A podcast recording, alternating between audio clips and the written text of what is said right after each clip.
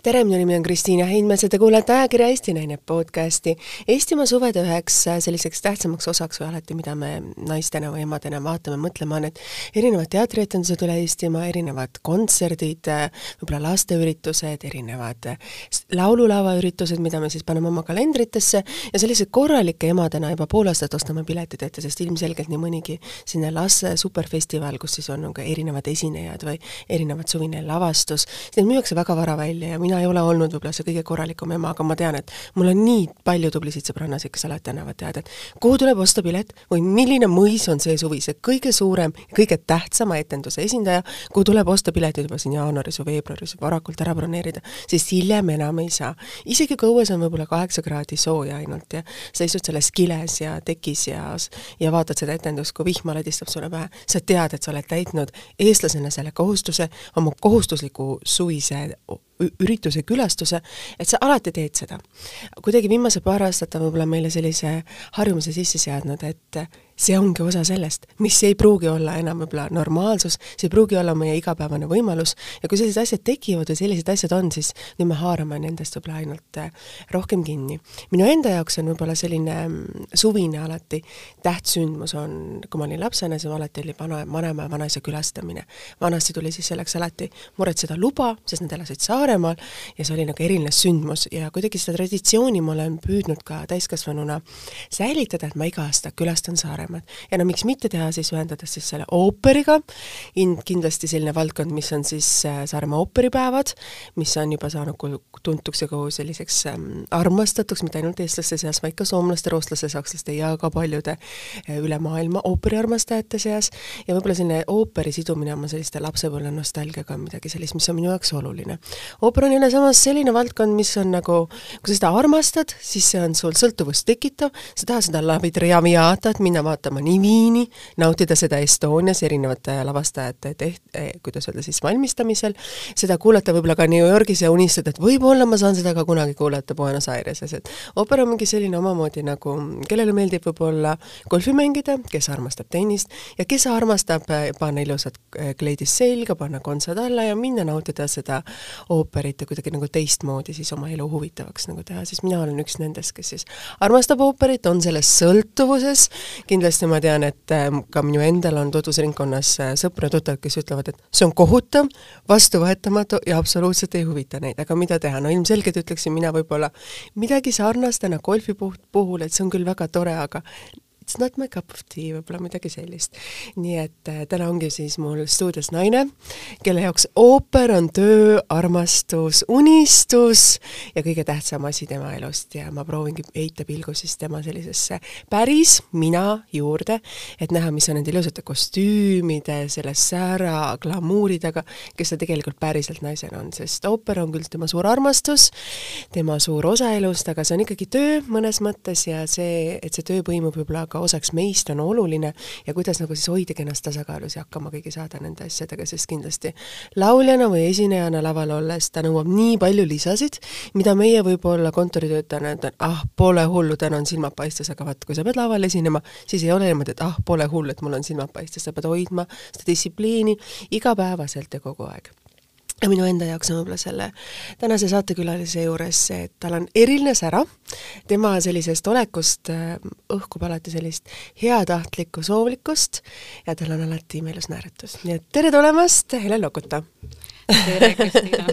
et selline väike sissejuhatus, et ma kohe küsiksingi, et kuidas siis selle suvega lood on, et kuidas nende suviste üritustega on, kui palju neid on, et kui sa nüüd ise võrdled nüüd eelnevate aastatega ja võib-olla eelmine aasta vist jäid praktiliselt kõik ära, et kuidas nüüd sellel aastal lood on, et äh, nende, kuidas öelda, erinevate kokku kuidas öelda siis kodulukustussüsteemide tõttu ja viiruste tõttu on neid ju raskendatud?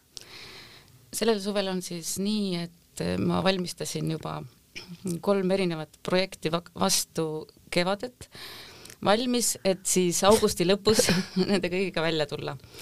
et üks suuremaid äh, projekte, kus ma osalen, on Lehari äh, operett Lõbus lesk, kus ma laulan peaosa.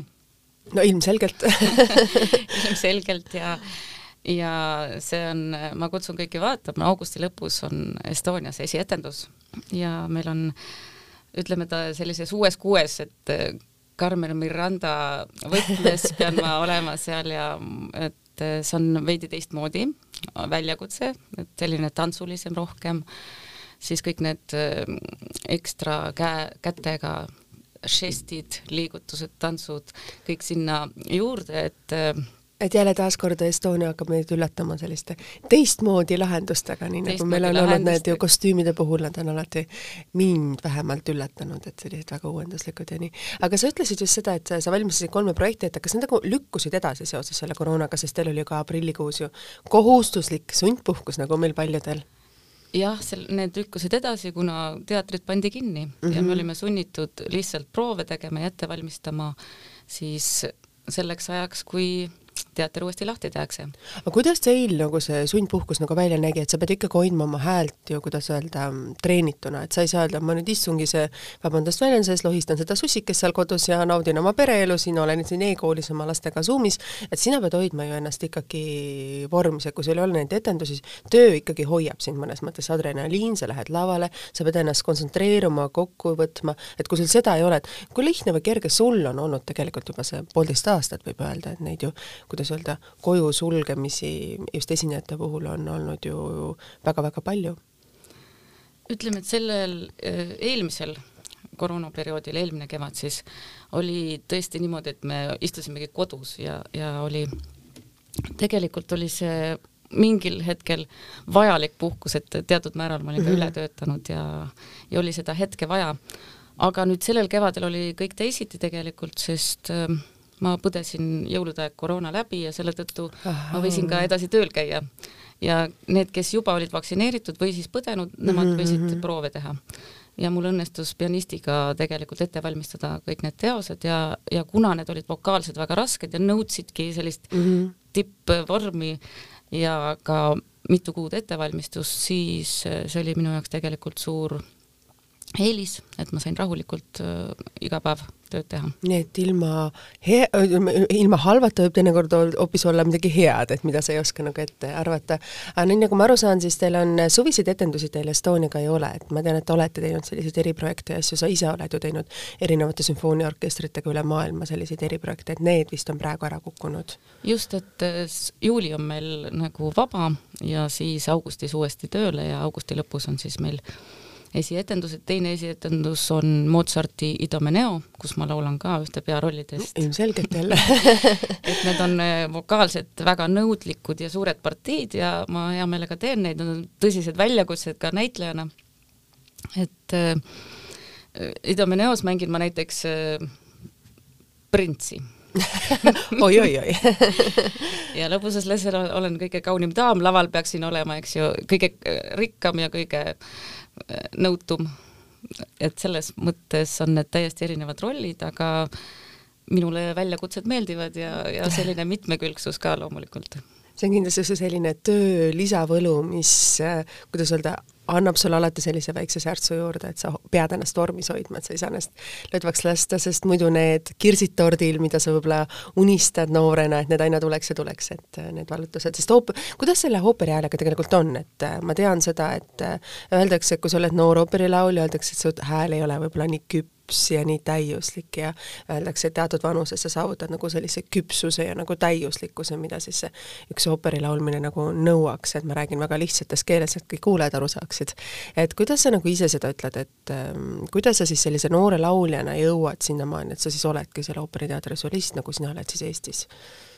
see on igapäevane töö ja teadlik enesetäiendamine ja nii nagu tippsportlased, et treeningud ja treeningud, et äh, meil on samamoodi on, ma pean treenima oma häält ja iga uus roll annab ka selleks võimaluse, et äh, minu hääl areneks ja loomulikult ma ka ise täiendan ennast pidevalt ja hoian vormis, et äh, see, see tingib selle, et hääl areneb, hääl võib ka taandareneda, kui, kui sa tegelikult ei tee sellega tööd ja kui sul ei ole rolle, mida, mida teha mis sind arendaksid edasi, siis põhimõtteliselt oleks edasi. iga kord nagu suurem väljakutse. just, ja teiseks äh, tuleb äh, targalt äh, ka oma häälega käituda, häälepaelad on väga õrnad lihased jah, ja kui neid ära tõmmata, siis äh, võivad olla sellel traagilised tagajärjed ja võid ennast ka ära laulda. kuidas see võib juhtuda, et kuidas ma siis saan ennast ära laulda või häälepaelad välja, välja venitada või kuidas seda öelda? mis, See mis, mis, mis nagu juhtub see nagu tavainimese jaoks, noh, me ikka räägime, meie ei saa aru ju, kuidas need häälepaelad seal liiguvad või nii. kui sa teed midagi valesti nendega, et võivad sinna sõlmed tekkida või samamoodi põletikega ei tohi Põletik, jah. laulda. nii et sall kaelas on. oluline. no sall alati ei aita seda. mis sind aitab siis alati, mis on sinu selline võlutrikk või nii, mida sa tead, et sa alati pead jälgima, et see on osa su rutiinist, igapäevarutiinist? Häält tuleb lihtsalt hoida, et ei tohi teha selliseid äh, karjumisi või olla kuskil riga kärarikas ruumis üle teiste rääkida, see on väga suur häälekoormus. pluss ei tohi võtta enda hääle diapasoonist väljas rolle, mis ei sobi hääleliselt, tunned, et äh, see on nüüd midagi on valesti ja liiga palju koormab, siis tuleb see kindlasti ära öelda, tuleb võtta vastavalt enda hääleliigile ja hääle mugavusele ja sobivusele rolle. Ja see ka heliloojate erinevus on näiteks kui laulda kas Mozarti või laulda siis operette või laulda nüüdismuusikat või laulda Wagnerit, need on kõik täiesti ikkagi erinevad äh, stiilid ja ka hääleliselt tuleb ennast vaadata, et ei, ei miksiks neid niimoodi kokku, et see hakkab häält koormama et see tähendab seda, et sa võtad endale ühe žanri ja sa püsid nagu selles ühes žanris siis nagu väga, et sa hoiad nagu häält seal, et et sa ei hüppa nagu a la Wagnerist siis kuni popi laulmiseni. ei, seda võib kõike teha, aga seda tuleb jälgida, et samal ajal ei tohi ja teha. paralleelselt ja siis, kui on hääl juba liiga koormatud, näiteks kui mul mm Mhm. -hmm. eelmine õhtu on olnud suur etendus, siis ma jah, kohe varahommikul ei hakka midagi täiesti teist tegema, et mm -hmm. ma annan häälele natuke aega või on samas liigis äh, teos ja ja niinimetatult öeldakse markeerin proovis, see tähendab seda, et ma ei, ma ei täie häälega ei laula, hoian häält. Ja ka seda tuleb targalt teha. et äh, tuleb äh, osata oma jõuvarusid äh, jagada. Ja see on teadlik töö tegelikult aga hakkame siis otsast pihta, kuidas selle teadliku tööni sa oled jõudnud. sa oled ju Tartu tüdruk ja lõpetanud Tartu Karlova kooli vist ja hiljem siis läinud Heino Elleri muusikakooli, et et mida sa mäletad oma nagu lapsepõlvest, et sul on ju kuus õde-venda, sa oled ju suurelapselisest perest ju tegelikult, et kuidas sellises suures peres üles kasvada selliseks Eesti superstaariks ooperivaldkonnas, et kuidas see sai toimuda, et mida sa mäletad oma lapsepõlvest? Mul oli väga kena lapsepõlv ja ma olen vanematele selle eest väga tänulik. et nagu Pullerbi laste elu, et no ilmselgelt. või siis nagu supilinna elu, et äh, me elasime Karlovas ka ja meil oli suur maja ja suur aed ja selline pidev mäng käis, et äh, kui vana sina olid seal perekonnas siis, et olid sa nagu üks vanemaid õdesid vendi või nooremaid õde ma olen kohe keskel, Keskel. olen neljas laps ja ja võib-olla see tekitas ka selle, et äh, et ma olin päris iseseisev, et sa olid see, keda ei pandud tähele, kes pidi alati hoidma nooremaid või alluma vanematele. umbes nii jah. et äh, aga ei, ma ei ütle midagi, et mul oli vanemate tähelepanu ka, aga lihtsalt võib-olla minus endas oli ka kohe see olemas, et ma olin sunnitud olema küllaltki iseseisev ja endaga hakkama saama ja, ja ka vajadusel kõiki teisi aitama, et äh, selline tubli laps. tubli laps, viieline.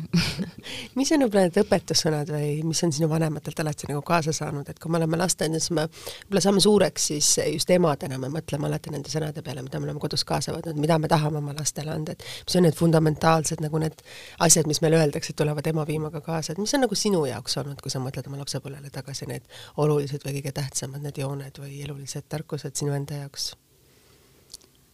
jah, minu ema on väga võimekas naine, see, tal on No ilmselgelt seitse last. ja, ja ta siiamaani, ta suudab kõiki oma lapselapsi ka hoida ja, ja tegutseda ja ja see tema vitaalsus ja töökus, see on jätnud sügava jälje minusse, et ma loodan, et ma olen ka sealt midagi tükikese pärinud, et selline järeleandmatu töökus, innukus nagu teiste eest hoolitsemine ja, ja ka asjade haldamine, et kui, kui sa oled midagi ette võtnud, siis sa viid selle lõpuni ja, ja suudad sellega, suudad sellega hakkama saada ja väga hästi. ja muidugi isa ja ema poolt, mõlema poolt selline äh, ellu suhtumine, et äh, on tähtis, et sa oled aus teiste suhtes, enda suhtes. et äh, teinekord on ju raske jääda iseenda suhtes ausaks, et on kohutavalt, mida sa tahaksid, väga tahaksid saada, aga sa tead, et sa võib-olla ei suuda seda teha või sa ei saa seda teha, et et kuidas seda toorest ausust nagu iseenda suhtes nagu öelda, et see on ju päris, päris keeruline, sest noh, sinul ilmselgelt ooperilauljana on neid olukordi väga palju olnud, kus sa tead, et on, ongi mõni roll, mis ei sobi su hääletüpaažile, aga see on su unistus, et kuidas sa selle vahel siis leiad sellise tasakaalu? lihtsalt no ütleme, selles mõttes ma ei ole nüüd nii nii kapriisne olnud, et mul on äh, see eelisõigus olnud, et äh, mu hääl on, võimaldab laulda nii soprani kui metsode rolle, et mul on mhm. kõrgema metso hääle diapasooniga ja, ja selle tõttu olen ma saanud ka selliseid soprani rolle ja pearolle teha, et, et äh, ma olen ka neid ambitsioone saanud täiesti rahuldada. mis olid sinu unistused, et need on juba mõnel mõnes mõttes tehtud, aga mõni, mõni, mõni roll, mida sa ikka veel nagu siiamaani unistaksid või sellisest äh, rollist, mida sa tahaksid laulda? Neid on tegelikult päris palju ja ma olen juba palju laulnud. üks muidugi tõeliselt lemmik mm -hmm. on mul siiamaani Rossini Tukatrinu, et kui mm -hmm. õnnestub veel elus seda teha, siis ma oleksin väga õnnelik. aga muidugi ka kõiki, kõiki teisi, mis, mis on tulemas, et tegelikult et äh, nagu sa ennegi ütlesid, et äh, hääl areneb ja muutub küpsemaks ja, ja ma suudan praegu teha rolle, mida ma võib-olla varem ei üldse ei mõelnudki neile. ja ma tunnen ka seda, et äh, kui hääl on nii heas korras ja sellises tasemes, siis on ähm, palju lihtsam mingisuguseid suuri rolle laulda ja, ja ka tunned neist äh, rohkem äh, naudingut ja rõõmu et sa oled ju selle nimel tegelikult pikalt tööd teinud, et seda laulda ja sa tunned, et see hääl nagu, kuidas öelda, kvalifitseerub siis sellele asjaks. aga sa läksid ju Karlova kooli, siis sellele järgnes Heino Elleri kool, kas sa õppisid mingit kindlat instrumenti või sa läksid kohe laule õppima? ma olen õppinud äh, laste muusikakoolis viiulit Aha. ja olen lau-, ka laulmist õppinud alates soololaulu alates esimesest klassist, et äh, ma olin äh, lastekoor Kurekell solist. kuidas sa selleks sattusid, et sa oled lastekooris solist olnud, et noh, ega see, see vist tehakse ka seal katsete alusel, võetakse, revistatakse kõik ülesse, sinu lihtsalt võib-olla ilmselgelt siis kaasasündinud hea hääle poolest valitigi välja, et kas see põhimõtteliselt ju niimoodi käib? põhimõtteliselt niimoodi jah, et äh, kui dirigent kuulab üle ja talle avaldab see hääl, häälematerjal muljet ja, ja musikaalsus, siis, siis ta siis ta siis määrab su solistiks ja mm, -hmm. ja mhm. siis antakse need võimalused, aga sa pead muidugi ka need realiseerima, et mm -hmm. et ähm, niisama siin solistina koha peal ei hoita, et sa pead ka vastavalt tegema eritreeninguid ja kuidas öelda, alluma siis selle dirigendile võib-olla lisasoovidele ja asjadele, mis siis ju tähendabki lisaproove, ka vanemate poolt ju lisaviimisi ja toomisi ja võimaldusi, et sul oleks võimalik sinna minna ja teha ja käia ka nendel ju esinemistel ja kõikides proovides. jah, et äh, selles mõttes muidugi, et see on olnud selline pikk teekond. pikk teekond. esimesest klassist saadik soololauljana ja, ja viiuli eriala siis. et kui sa õppisid Heino Elleri koolis, kas sa lõpetasidki siis nagu viiuli eriala seal või sa lõpetasid siis seal selle soololaulu? ma alustasingi siis ikkagi juba äh, soololauljana, et Elleri koolis. -hmm. just, et äh, viiul oli ka väga-väga selline äh, südamelähedane pill mulle ja ta, selle õppimine on mulle suureks kasuks olnud, et see arendab väga äh, sisemise kõrva intonatsiooni tunnetust, et äh, paljudel lauljatel on võib-olla raskem selle tõttu, kui nad ei ole äh, viiulist, sa pead ette kuulma selle noodi ja siis mm -hmm. vajutad näpuga, et see on täpselt nii, et laulmise puhul ka, et sa kuuled selle ette, selle õige intonatsiooni, siis sa suudad ka selle puhtalt laulda no ilmselgelt, et ma tean, et mõisalt mu enda poeg lõpetas just Tallinna lastemuusikakooli viiuli eriala ja ma noh, näen ise ka kõrvalt, et mina ei olnud see, kes oskaks seda viiulit häälestada, siis ma jooksin õpetajate juurde, sest noh, mul puudub see, kuidas öelda, musikaalsus või musikaalne kuulmine vähemalt viiuli erialal. et nii, et kui ma paneksin siia viiuli laua, lauale, siis oskaksid seda häälestada. ja loomulikult no vot kui hea. kas su enda lapsed on, õpivad ka muusikat või? minu poeg äh, õppis äh, Nõmme muusikakoolis äh, löökpille mm,. no ilmselgelt poisslaps ju jah, ta ise valis selle instrumendi ja aga praegu ta teekond on viinud rohkem sellise matemaatika poole ja reaalainete, reaalainete poole, et ta lõpetas just äh, Estonian Business School'i gümnaasiumi. ja mis ta unistus on praegu? ja ta läheb äh, Tallinna Tehnikaülikooli edasi õppima. ja mis valdkonda?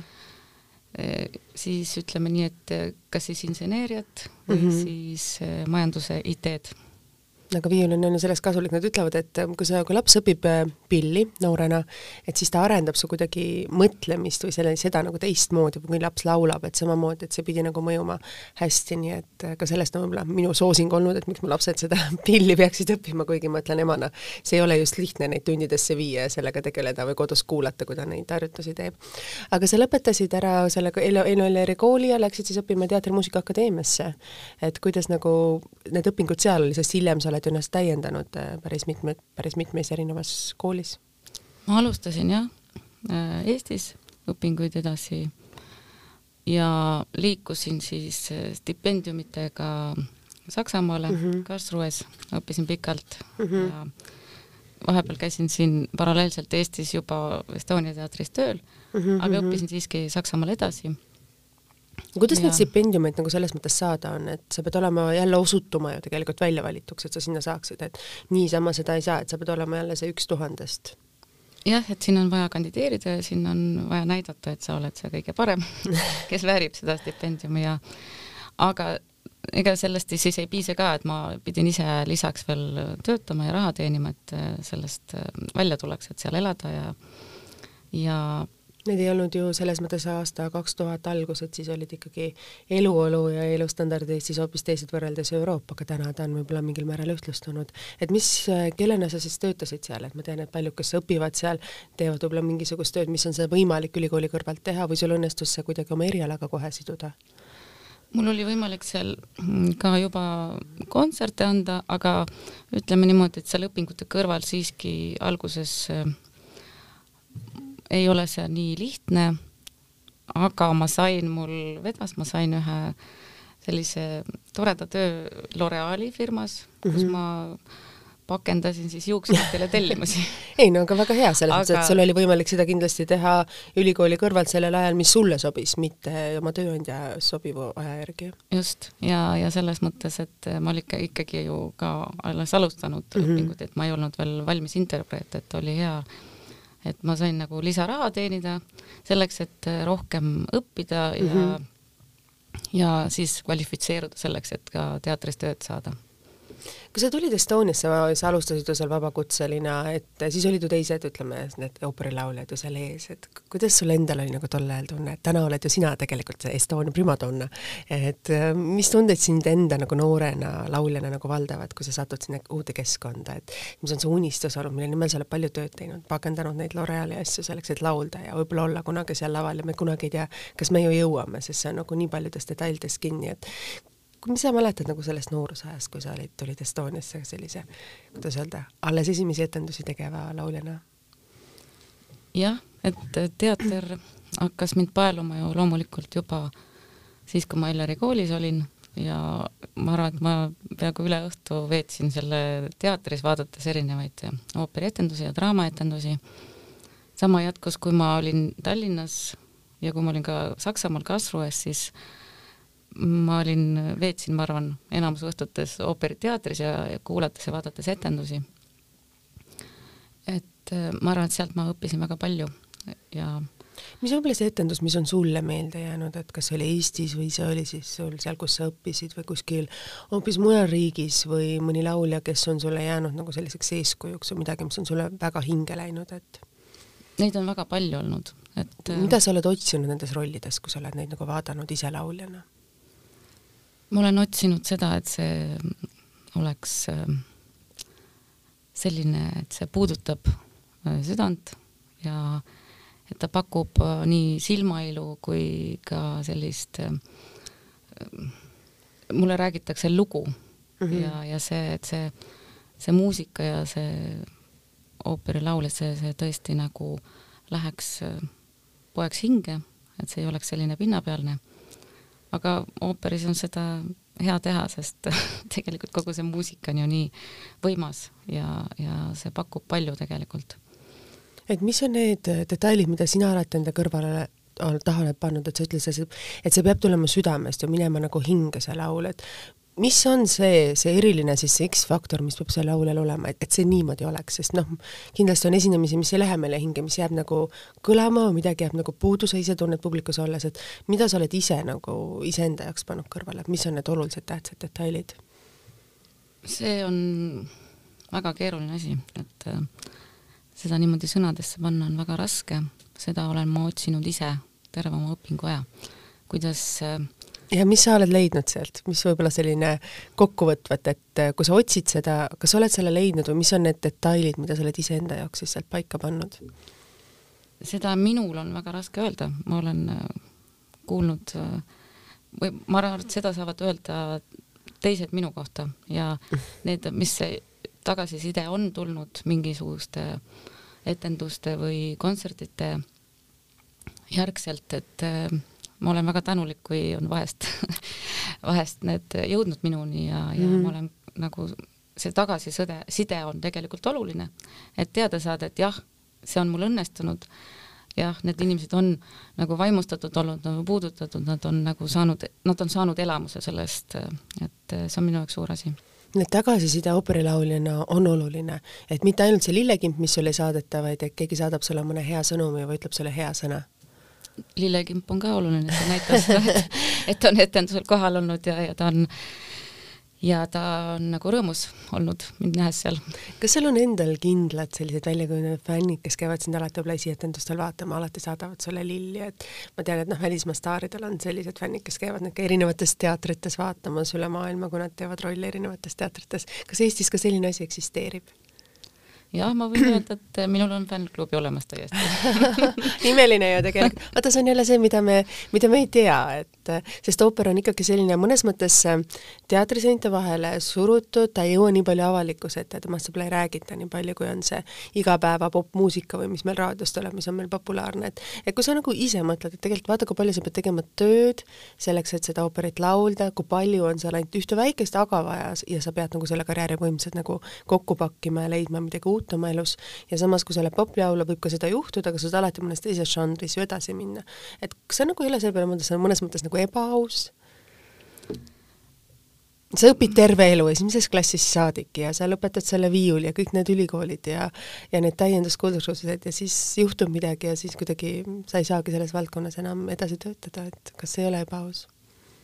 Jah, aga ma arvan, et see on igal erialal niimoodi, et täpselt samamoodi võib sportlasega juhtuda või balletitantsijaga või või me ei tea kunagi, mis elus kellelgi toimub, aga senimaani, kui ma olen seal saanud töötada, ma olen äh, selle eest väga tänulik sa oled äh, naisena selles mõttes pidanud ju ka oma elus tegema, kuidas öelda siis ähm,, võib-olla teatud samme, mida võib-olla meesooperilauljateel on selline üks, üks samm, üks karjäär, no sina ilmselgelt, sul on kaks imearmsast lapsekest kodus, oled ju mingil hetkel pidanud võtma sellise kas pausi või sellise, kuidas öelda, vaheperioodi oma elus, et ma lugesin ühte intervjuud, mis sa andsid, et sa rääkisid, kuidas sa väike beebi käes kalamajast jooksid kiiresti etendusele, andsid selle lisaetenduse ära ja jooksid tagasi, et kui kui palju sa nagu ise mõistad nagu naisena pead iseendast andma ja kui palju need lapsed on olnud sinu etendustel kaasas?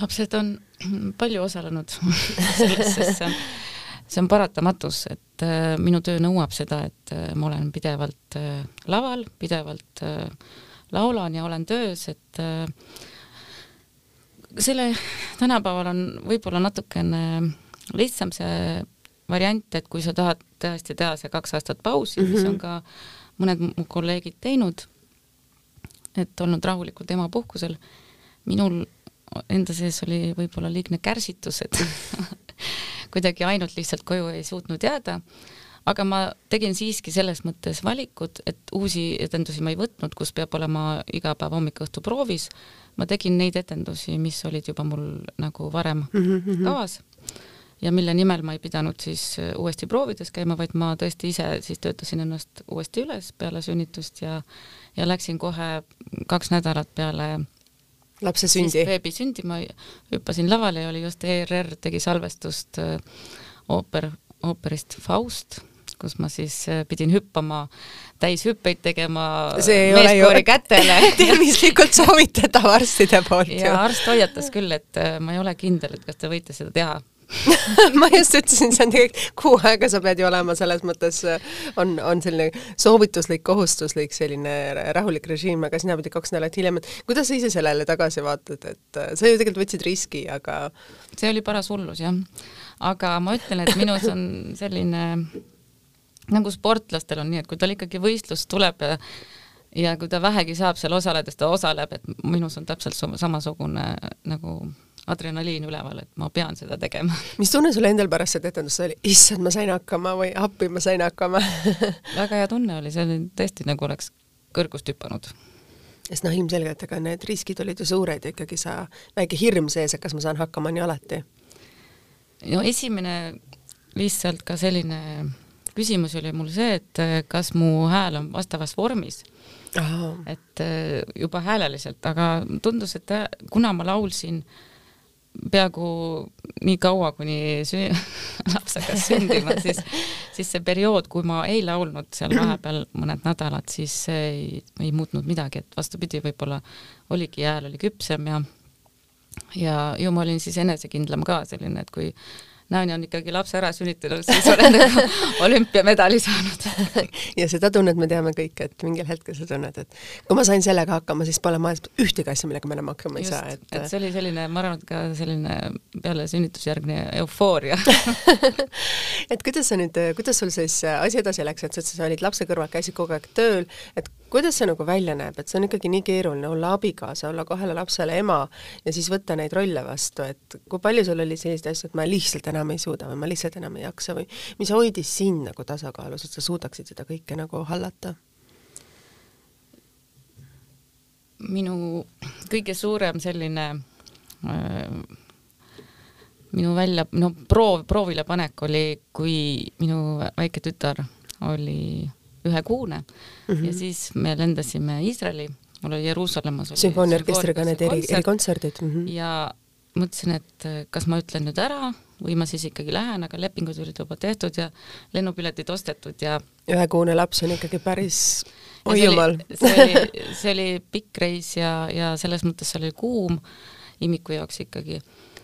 ja et äh, eks see oli tema jaoks äh, ka raske, ta seal nuttis mul ööd läbi ja, ja siis, kui ma hommikul pidin proovi minema ja õhtul kontserti tegema selle kõige vahepeal, siis äh, see oli raske, aga samas see andis sellise enesele väga palju, et äh, mulle meeldib, kui mul on mingisugused väljakutsed, et ma pean selle ületama, ma pean sellega hakkama saama muidugi ma ei oleks hakkama üldse saanud, kui minu abikaasa ja ka vanem poeg poleks kaasas olnud, kes hoidsid tegelikult Elizabethi mm -hmm. ja need mhm. tõesti tekitas temas ka turvatunde selles mõttes ja nad olid seal kogu aeg mul ukse taga selle beebiga ja sa ju olid, pidid imetama ju last tegelikult. loomulikult. et äh, sellised, aga need jäävad eluks ajaks meelde ja, ja võib-olla kui tagantjärgi mõtled, et kas ma oleks seda teinud, et ma ikkagi mõtlen, et ma oleks teinud, et äh, mul oli ikkagi ka palju aega lapsele, et ega siis see ei olnud see, et ma ainult tööl käisin, et see mm -hmm. oli need mhm, mhm. mõned hetked ja samas ma arvan, et, et see tegi mind õnnelikuks, et ma äh, ei tundnud, et sa oled see kasutu kodus, et sa ikkagi vaata, kui sul on oma karjäär ja sa jääd koduseks ja sa oled ainult nagu lapse pärast olemas, mis on küll hea, hea tunne, aga samas sa tunned, et sa et sa vajad nagu midagi muud, ka iseenda teostust või mingisugust natuke täiustust või kas või kuidas öelda, täiskasvanud inimestega rääkimist või erialast nagu juttu? nojah, ütleme, et minu erialal on see natuke rohkem kui lihtsalt kellega rääkima kohvikus, et selles mõttes ma ikkagi pidin nagu ennast uuesti vormi viima, aga ma arvan, et täpselt samuti on ju sportlastel ja balletitantsijatel ja kõigil, et, et sa pead uuesti ennast vormi saama ja see annab sulle hea tunde. et eh, niimoodi pikalt lihtsalt lebotada võib-olla ma ei oska et see on ka võib-olla perso-, persoonis kinni. aga kui sul on nüüd suvel puhkus kuu aega, juulikuu, et mida sa siis teed, et kuidas sinu puhkus välja näeb, sest ilmselgelt sul ei ole seda võimalik äh, teha, et ma nüüd istun siin mustsõstarde põõsaste juures ja maasikapeenarde juures kuu aega ja lülitan telefoni välja, et sina seda endale lubada ei saa. Jah, niimoodi küll mitte päris, aga, aga puhkust ma vajan ja tavaliselt me läheme mõnele reisile ja praegu on Eestis imeilusad ilmad, nii et ka Eest-, mööda Eestit on tore käia ringi ja, ja erinevates kohtades, lihtsalt võtta see aeg ka tegelikult, et äh, mitte tööd teha, aga olla siis oma lähedastega ja sõpradega aega veeta ja no ilmselgelt neid kuus õde-venda vajavad ju ka kõik külastamist. jah, just meil oli jaaniõhtul olime kõik koos seal ja mitu päeva järjest, et see oli palju neid lapselapsi teil on siis sul emal-isal? No ma arvan, et juba kakskümmend viis. Teil on ju põhimõtteliselt selline siis suurem pulmapidu ju iga kord, kui te kokku saate, et kui iga teil on va vana, vana, vanavanemad, teid endid juba ja lapselapsi, et see on ikka päris, päris suur selline omaenda perekond juba jah, selline tunne nagu, et kogu aeg on suguvõsa kokku tulnud no ilmselgelt, et kui perekondlikult ju peetakse neid jõule ja jaanipäeva nagu kaks sellist nagu eestlaslikku tähtsat traditsiooni. aga kui sa mõtled nagu tagasi oma karjäärile, et mis on see lava, mi-, kus sul on kõige rohkem meeldinud esindada, et Estonia vaata, sul ikkagi kodulava ja sa aeg-ajalt kindlasti oled esinenud ju mingitel rahvusvahelistel lavadel, nagu sa meenutasid seda Jeruusalemmas sümfooniaorkestrit seal soojal maal olemist, et võib-olla mis on selline kontsert või asi, mis on sul noh, võib-olla siis ka Eestis jätnud mulje, mis on olnud võib-olla mitte selline igapäevane, vaid selline eri, eriline sündmus, milleks sa oled ennast hääleliselt treeninud või selle kava ära õppinud mm,? erinevad lavad, ooperilavad on äh, tõesti see akustiline pool ja kõik see on on erinev, on ju? on väga erinev. ja et selline enda emotsioon sealjuures on ka loomulikult kogu aeg nagu teistmoodi. väga eriline kogemus oli kindlasti Moskva suures teatris laval laulda, et äh, see, see kogemus on muidugi väga eriline seda, seda õnnestus ka minul vaadata, imeline kontsert oli, pean mainima suur tänu. ja muidugi ka Tel Avivi ooperis, kus ma laulsin Endeli Rinaldos ja ühte kuulsamat aariat, Lasha Kjopjanga. et äh, sellised, äh, sellised lavad on väga-väga head, kus, kus äh, laulda, kus anda edasi seda äh, kogemust ja, ja seda elamust. kui palju on sul abikaasa sulle toeks, sest kõik see, mida sa räägid ju, vajab ikkagi sellist tugisüsteemi ja abilisi, et selliseid rolle ette valmistada, kui laps on haige, siis ilmselgelt ju keegi teine peab võtma selle aja, et temaga kodus olla, võtma selle aja, et temaga midagi tegelema arsti juurde minema, sest noh, sul on proovid, sa ei saa seda teha, et kui palju on abikaasa selle, sinu abikaasas siis seda, kuidas öelda, toetust või rolli tema, temal sinu elus? Abikaasa on selles mõttes äh, väga hea isa olnud oma lastele ja on siiamaani, hoiab neid ja oskab ka tegeleda nendega, kui, kui mina pean tööle minema. tänu sellele, et tema töö ei ole nõudnud, et ta mm -hmm. õhtuti peab olema tööl, et ta yeah. on päeval tööl, siis on meil olnud veidi kergem see laste hoidmise aja jagamine.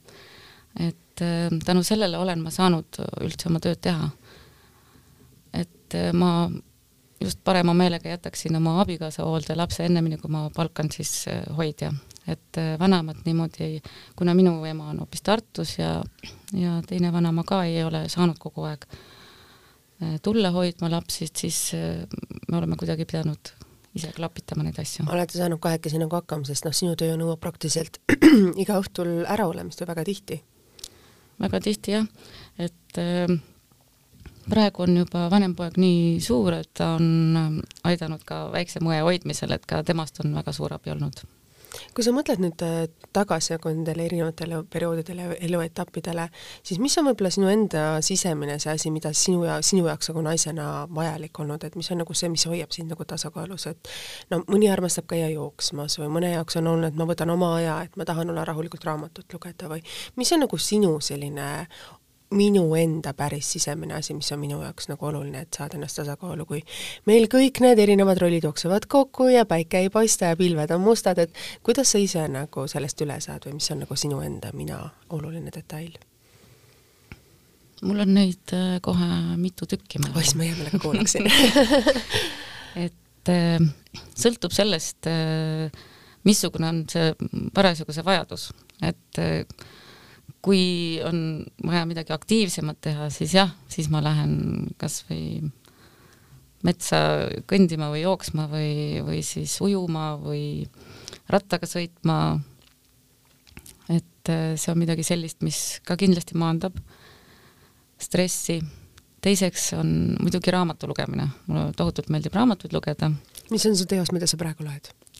Ehm, loen äh, ava-, aviaatorit oh, täiesti üllatav valik sinu puhul, et täiesti selline super valik ju. jah, et ma loen nagu erinevaid, erinevas žanris ja ja loomulikult lemmik on mul ilukirjandus, et nii siis kõik romaanid erinevate maade kirjanike teosed, kui aga samuti ma armastan väga luulet, mis on, mis tegelikult annab sellise hea lõõgastuse vahest, et kui ei taha midagi teaduslikku või väga tõsist lugeda, siis luule on see, mis annab sellise noh, ütleme nii, et pingelanguse. Tasakaalustab sellist, aga võib-olla mingi luulerida, mis sulle on võib-olla endal väga meelde jäänud või selline lause või asi, kui sa ütlesid, sa armastad nagu luulet, et mina ei ole väga luulet, luuletust armastaja. Tunnistan ausalt üles, et on sul endal mõni rida või asi, mis sul meenub, sa tahaksid öelda välja? Alt-, Artur Alliksaar on mu üks lemmikutest ja tema üks luurerida, rida on see, et ei ole paremaid, halvemaid aegu, on ainult hetk, milles viibime praegu oi kui ilus. et ähm, see minu arust kirjandus ja, ja muusika ja need klapivad väga hästi kokku. et äh, kirjandus on ka selline kunstižanr, mis annab äh, väga palju uut inspiratsiooni mulle ja sellist äh, värskust, et kui paljud näitlejad ütlevad, et on vaja kuskile reisida ja mm, -hmm. ja mhm. midagi leida sealt uusi uusi inspiratsiooniallikaid, siis äh, kirjandus on minu jaoks üks hea reis loomulikult ma ka, kui me rääkisime nendest lõõgastusmomentidest, siis äh, kindlasti on ka reisimine minu jaoks selline koht, kus, kus ma nagu ammutan uut mis on võib-olla sinu jaoks selline ideaalne reisi sihtkoht või paigad, mida sa oled külastanud, mis on jätnud sulle sellise sügava mulje?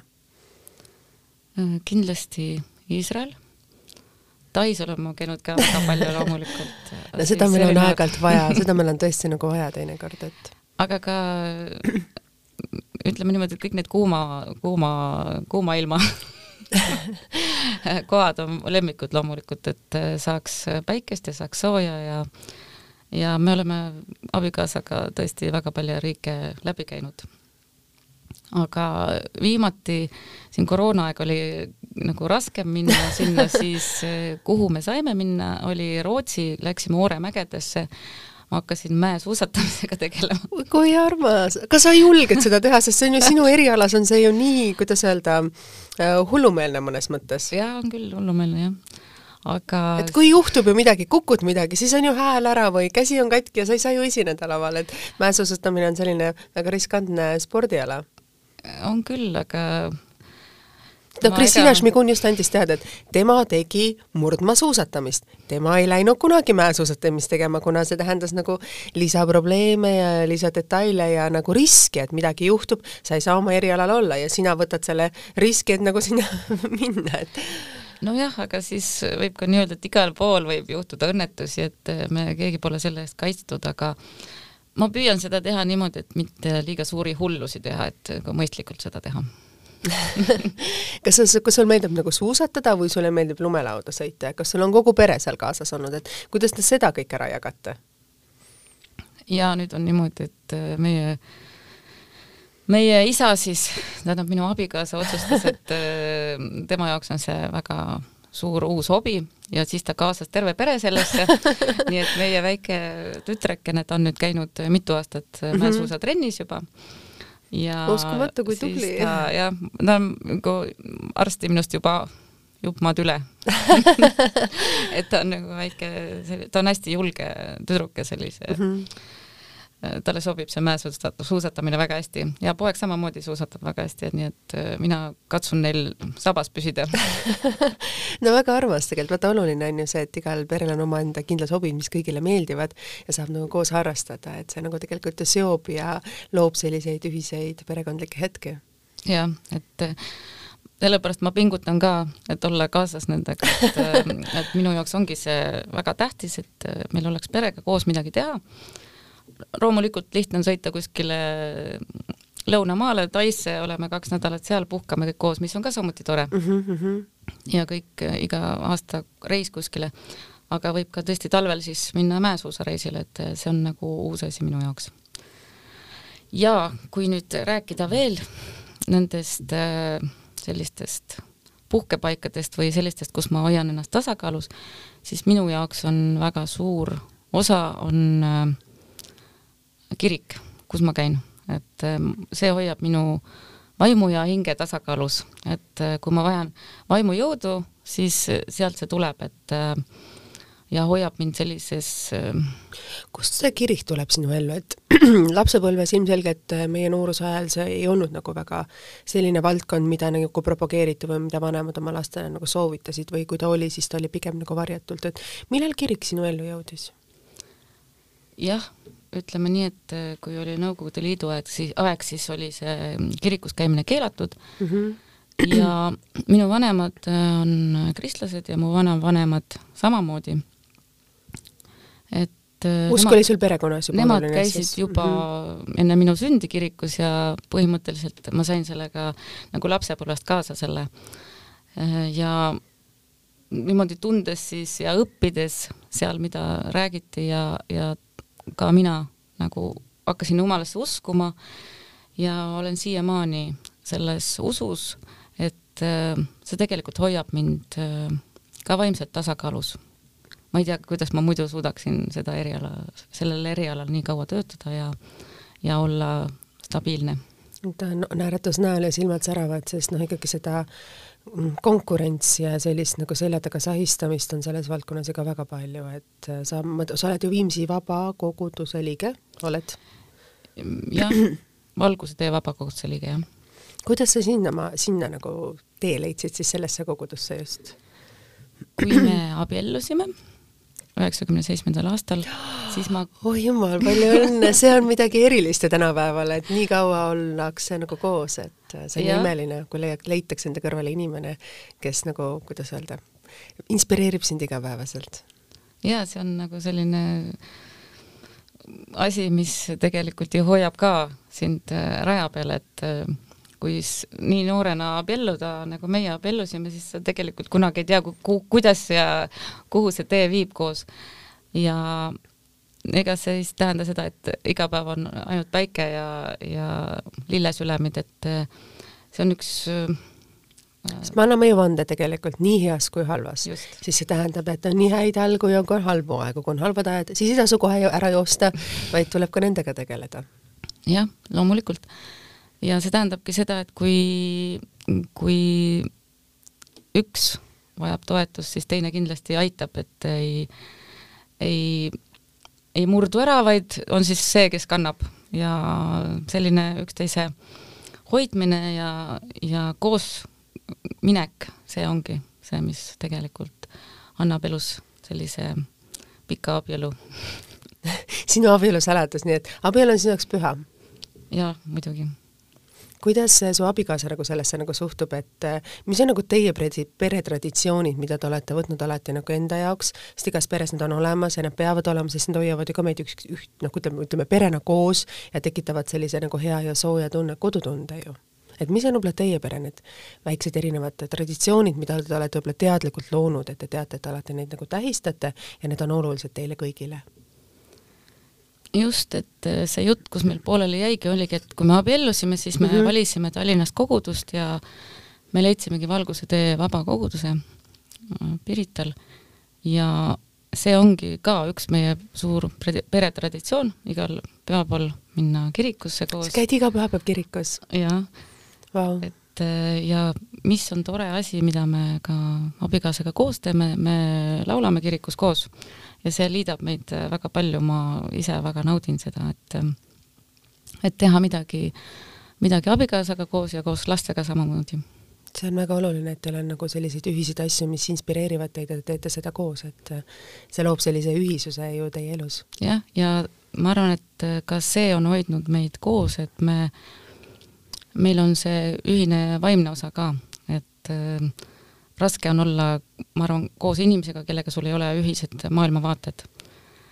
ja kui traditsioonidest veel rääkida, siis kindlasti on meil jõulud ja jaanipäev ja mida me siis koos tähistame ja ja see ka, et me käime reisil koos kindlasti, pluss igasugused ühised söömaajad. Need, neid väikeseid selliseid traditsioone on meil päris palju. see on väga armas kuulda, aga mis on teie võib-olla pere, sinu pere suvine traditsioon? jah, suvine traditsioon ongi see, et esiteks enne, enne jaanipäeva tuleb kõik tööasjad, kui võimalik, sättida niimoodi, et siis saab väikese puhkuse võtta jaanipäeva paiku ja olla siis minu isa maakodus mõned päevad koos minu suure perega. See on nagu teie, sinu pere jaoks nagu oluline traditsioon, mida sa alati hoiad ja tahad säilitada? jaa, kindlasti. aga mis on võib-olla sinu enda pere jaoks nagu selline eriline traditsioon, et kas te kuskil käite alati Eestimaa paigas või teil on omaenda suvekodu või, või teil on mingisugune kindel selline asi, mida te teete, et noh, meil on näiteks Pärnu, et minu enda, kuidas öelda, ema suguvõsa on sealtpoolt pärit ja mina olen oma lapsepõlved sealt veetnud ja teine on Saaremaa. et need on minu jaoks ilma Saaremaata, ilma Pärnuta ei eksisteeri minu jaoks näiteks suve. Jaa, et meil on ka loomulikult Eesti Eestimaa peal sellised punktid ja paigad, kuhu, kuhu me kindlasti tahame suve jooksul jõuda üks selline on äh, Nõva rand. ahaa väga armas. et meil on seal oma traditsioonid, mis me siis seal teeme. mis traditsioonid siis? no kindlasti tuleb äh, suitsulesta osta no ilmselgelt ilma selleta ei saa, jaa. ja Nõva rannas on laulvad liivad. Et seda me teeme lastega koos alati, kriuksutame talla all liiva ja jookseme mööda randa ja ujume ja ja see on see tõeline Eestimaa suvi. Aga meie jaoks on samuti on Saaremaa, kus meil on siis sõbrad, kuhu me läheme nende juurde kindlasti külla ja ja ka ja ka palju kõiki teisi kohti, et ma ei hakka siin eetris kõiki neid välja lugema, aga et ühesõnaga Eestimaa peal on meil palju kalleid paiku aga Helen, kell on nüüd nii palju, et me peame hakkama seda saadet vaikselt kokku tõmbama. aitäh, et sa tulid sellesse saatesse aitäh, et sa tõid siia stuudiosse selle Saaremaa värske suitsulesta lõhna. sa tõid samamoodi siia siis selle nende imeliste Saaremaa orhideeaasade lõhna, mida ei ole, mida mitte kuskil ei lõhna, kuidas öelda, see mets või need väikesed rannaäärsed metsu, metsaniidud nii hästi, kui on need Saaremaal, et ma just alles äsja seal olin ja kui sa tuled sealt autost välja, sa tunned, kuidas see magus lapsepõlve, selline unistuste varahommikused jalutused, kus sa läksid koos vanaisa või vanaemaga või emaisaga kuskile, et et see on see, mis tuleb sealt nagu Saaremaalt ja nagu sa ütlesid, et sa ei suuda ka ilma Saaremaata olla ja võib-olla mõne teise paigata ka veel, nii et et võtame siis oma saate kokku, nii et kallid kuulajad, suitsulest ja see magus eestimaine suvelõhn on see, mida ma siis soovin kõikidele. Järgmiseks nädalaks ja järgmiseks siis suveks, et leidke kõik aega ja nautige seda. ja veel kord aitäh, Helen, et sa tulid siia, aitäh, et sa jagasid oma neid ilusaid mõtteid. Ja meie podcast on ikka nagu ikka, ajakirja Eesti Naise podcast on kuulatav Delfi tasku keskkonnas, Spotify's ja SoundCloudis. aitäh teile, kallid kuulajad ja kaunist ja imelist magusalõhnalist suvenädalat ja kohtume teiega juba nädala pärast nägemist. thank you